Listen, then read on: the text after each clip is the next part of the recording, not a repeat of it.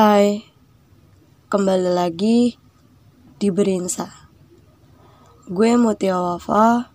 Sekarang gue yang bakal nemenin malam Jumat kalian bersama cerita-cerita horor yang udah disiapin sama tim Berinsa. Di segmen horor kali ini, gue bakal bacain cerita tentang mereka yang tak terlihat di rumah sakit part 1. Buat kalian yang gak berani dengerin, jangan dengerin sendirian ya. Minggu pertama, shift malam. Letak rumah Rani yang jauh dari hingar-bingar kota membuatnya harus berangkat lebih awal untuk menuju ke RSUD 5 yang letaknya di tengah kota. Selepas makan malam dan ibadah isya, Rani pamit dengan bapak ibunya. Lalu memacu kendaraan roda duanya berangkat shift malam di RSUD 5. Jaketmu dibawa, biar gak kena angin malam. Suruh ibu Rani. Rani pun menurut. Ia pun kembali ke kamar mencari jaket yang bisa dipakai. Sialnya, Jaket-jaket yang biasa ia pakai baru tadi pagi ia cuci. Dan hanya tersisa satu jaket warna merah marun pemberian Satria. Ya Allah, kenapa sih? Keluh Rani. Karena melihat hanya ada jaket itu yang tersisa di lemari pakaiannya. Dengan berat hati dan daripada kena omel ibunya, Rani mengambil jaket itu. Ah, bau-bau kenangan ini lagi. Keluh Rani. Tak lama dari situ, Rani berangkat. Setelah 45 menit perjalanan, Rani sampai di RSUD 5. Kemudian langsung mencari bangsal tempat di mana ia praktek malam ini. Bangsal Anggrek letaknya berada di deretan belakang RSUD 5. Berjalan ke sana harus melewati beberapa jalan lorong rumah sakit yang sangat panjang. Hampir semua rumah sakit memiliki jalanan lorong seperti ini. Walau Rani sudah sering melintasi lorong panjang begini, tapi Berjalanan sendirian di lorong seperti ini saat malam hari mampu membuat bulu kuduk Rani berdiri seketika. Mendapati jalan yang lenggang, Rani mempercepat langkahnya agar lekas tiba di bangsa anggrek. Meskipun ia sudah biasa keluar masuk rumah sakit, tapi tidak membuat ketakutannya hilang. Saat sampai di bangsal anggrek, Rani masih harus naik ke lantai tiga. Karena tugasnya di lantai tiga bangsal anggrek. Perasaannya lega saat pintu lift terbuka dan ruang perawat sudah terlihat dari matanya. Sesampainya, Rani lalu masuk ke ruang rawat yang letaknya berdekatan dengan meja pelayanan perawatan atau nurse station. Ia meletakkan tasnya dan mengeluarkan beberapa catatan dan lembar kertas. Saat pergantian shift, sebelum perawat sebelumnya pulang dan perawat yang baru datang mulai bekerja, biasanya mereka melakukan briefing terlebih dulu di ruang rawat. Perawat yang akan pulang memberikan catatan mengenai laporan pasien-pasien agar perawat-perawat selanjutnya mengetahui kondisi pasien di bangsalnya. Setelah seluruh laporan kondisi pasien tersampaikan, barulah perawat shift sebelumnya bisa pulang. Mbak, kalau ada kesulitan, bilang aja ya, tidak perlu sungkan. Ucap perawat perempuan yang satu shift dengan Rani. Dibandingkan yang lain, dia adalah perawat paling senior di bangsal anggrek. Namanya Bu Atia. Usianya sudah hampir 50 tahun serta masa pengabdiannya sudah lebih dari 20 tahun. Hal itu membuat Bu Atia hafal dengan setiap sudut rumah sakit. Iya Bu, makasih banyak ya. Jawab Rani sambil senyum kecil kepadanya. Selain Bu Atia, ada tiga perawat yang lainnya.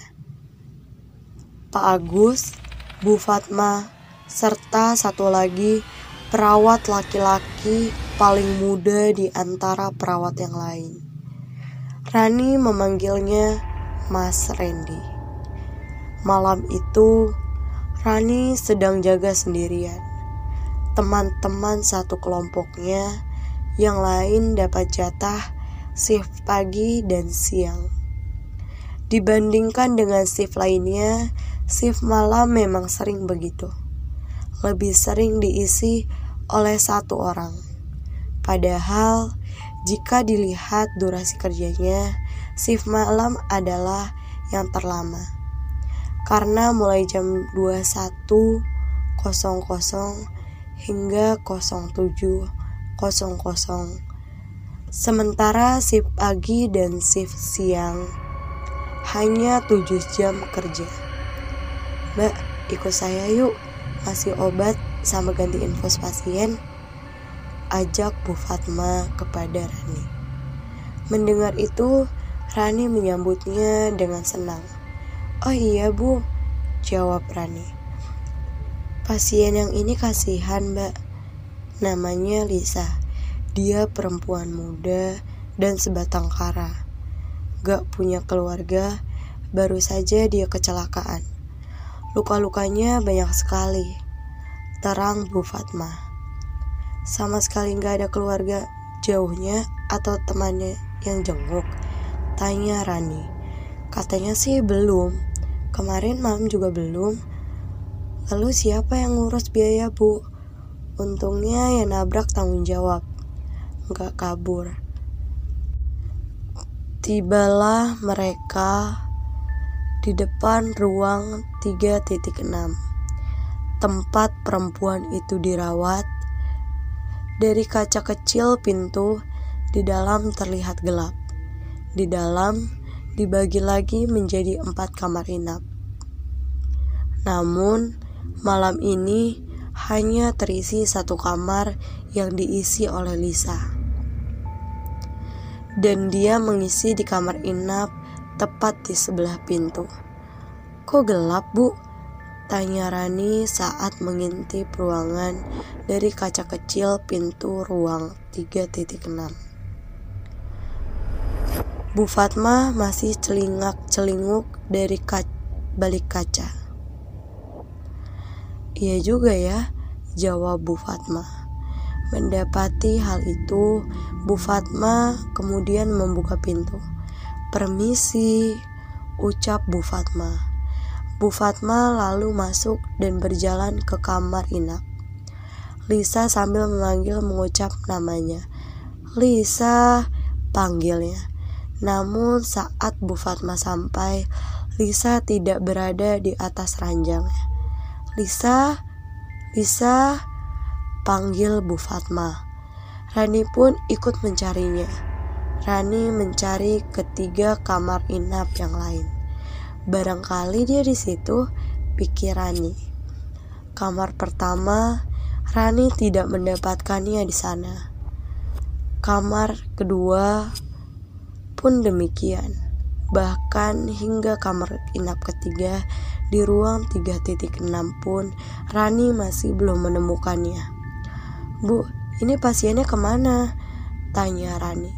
Saya juga nggak tahu mbak, kamar inapnya ya di sini.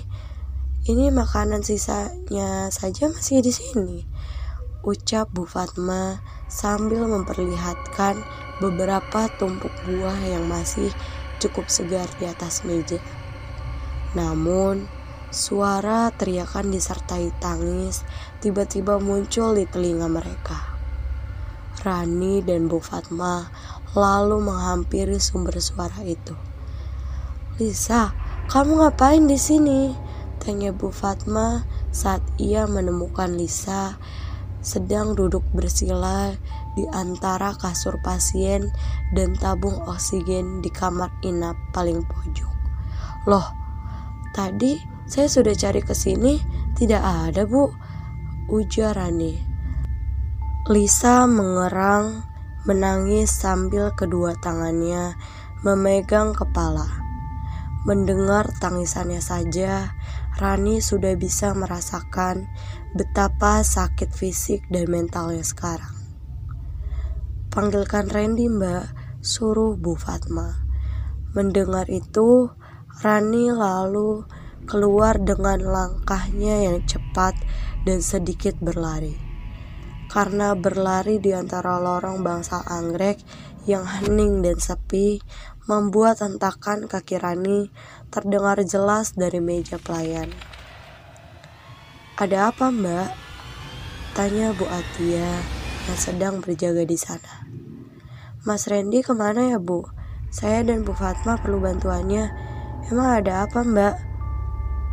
Mau ngangkat pasien yang di ruang 3.6 bu, kami berdua gak kuat. Bu Atia lantas memanggil Randy. Rani beruntung karena Randy tidak sedang melakukan pekerjaan apa-apa. Di antara perjalanan mereka ke ruang 3.6, Randy bertanya, "Ada apa, Mbak?"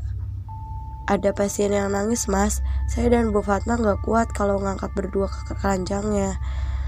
Pasien di ruang mana? Itu yang di 3.6, Mas. Yang perempuan sendirian itu. Jawab Rani. Saat langkah mereka berdua Sampai di depan pintu, suara tangis Lisa terdengar lebih keras dari sebelumnya. Bu Fatma, ini Mas Randy, ucap Rani. Randy bantu saya. Dari tadi nangis dan gak mau bergerak. Ucap Bu Fatma. Randy menggeser ranjang pasien yang menghalangi. Setelahnya, ia jongkok lalu perlahan mengangkat tubuh Lisa yang lemas. Bu Fatma dan Rani ikut membantunya dipegangnya kaki Lisa oleh Rani. Sementara Bu Fatma membereskan ranjang milik Lisa yang berantakan. Perlahan, Randy dan Rani berhasil memindahkan Lisa. Lisa masih menangis dengan rambut panjangnya yang acak-acakan. Yang tenang ya nak, jangan nangis lagi ucap Bu Fatma sambil membelai rambut Lisa agar kembali rapi.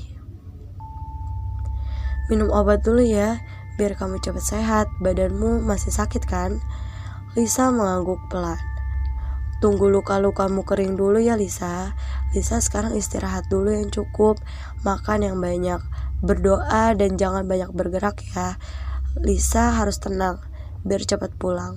Jawab Bu Fatma sambil tersenyum. Tapi saya pulang ke mana sus? Siapa yang jemput saya? Kan saya nggak punya siapa-siapa. Walau kedengaran aneh, Bu Fatma dapat mengerti dengan pertanyaannya. Itu karena dia terbiasa hidup sendiri selama ini. Dengan tetap tersenyum, Bu Fatma menjawab, "Ke rumah dong, pasti nanti ada yang jemput Lisa."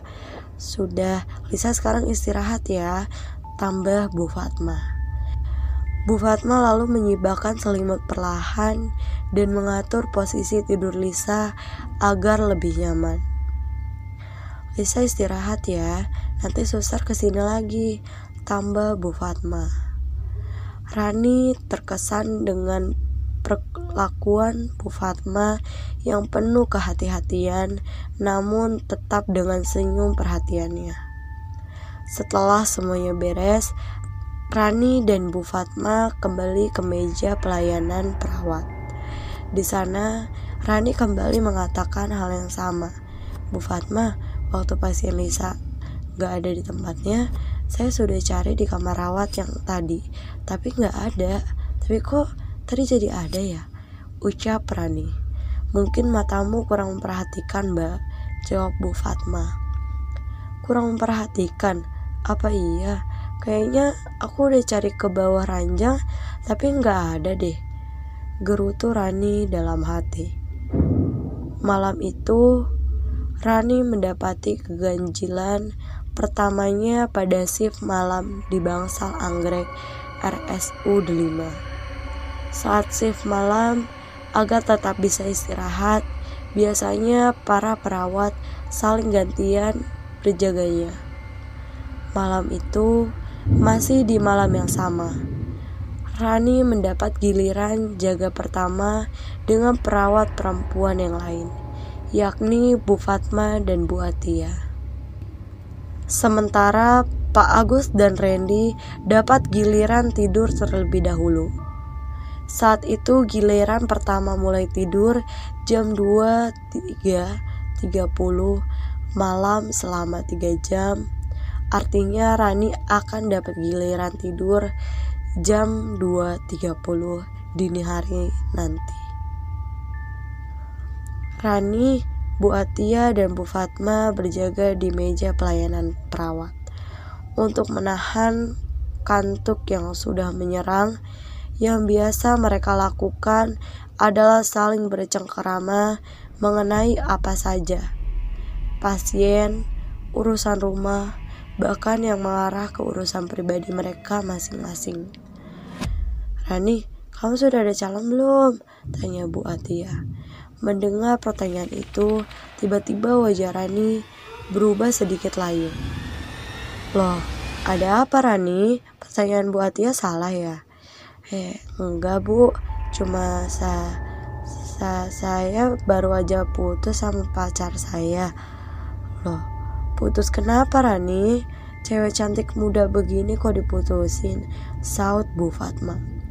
Bu Atia dan Bu Fatma memang sudah mendalami perannya sebagai ibu-ibu komplek yang gemar gosip dan tidak pernah ketinggalan update info terkini. Hus, celetuk Bu Atia. Gak apa-apa Bu, jawab Rani sambil tertawa agar sedikit menutupi kesedihannya. Dia ada yang baru bu, ucap Rani. Hah? Maksudnya kamu diselingkuhin? Tanya Bu Fatma. Rani mengangguk. Bocah Edan, umpat Bu Fatma. Air mata Rani seketika menerobos keluar dari kelopak matanya. Bu Atia dan Bu Fatma pun refleks menenangkannya. Mereka merasa bersalah karena telah menanyakan soal laki-laki kepada Rani. Rani maafkan Bu Atia ya Ucap Bu Atia meminta maaf Gak apa-apa Bu Ucap Rani sambil menyeka air matanya. Di antara kesedihan Rani yang belum sepenuhnya reda Pintu lift yang sedari tadi tertutup perlahan kini terbuka. Seorang wanita misterius dengan pakaiannya yang abu-abu tiba-tiba keluar dari sana. Lalu langsung saja berjalan ke lorong arah kamar Lisa. Rani yang duduk mengarah ke lift pun sontak tersita perhatiannya. Dengan matanya yang masih basah, dengan air mata, ia berusaha memperhatikan wanita misterius itu. Rani kamu lihat apa? Tanya Bu Fatma. Itu ada wanita kok nyeremin gitu keluar dari lift? Ujar Rani. Mana? Itu bu, tadi ke sana. Mana ada orang malam-malam ke sini? Ini kan bukan jam besuk. Ujar Bu Atia. Bu Fatma yang masih penasaran pun mengejar ke arah yang dijelaskan Rani. Dalam sekejap, Bu Fatma kembali ke meja pelayanan lagi. Mana Rani? Gak ada siapa-siapa.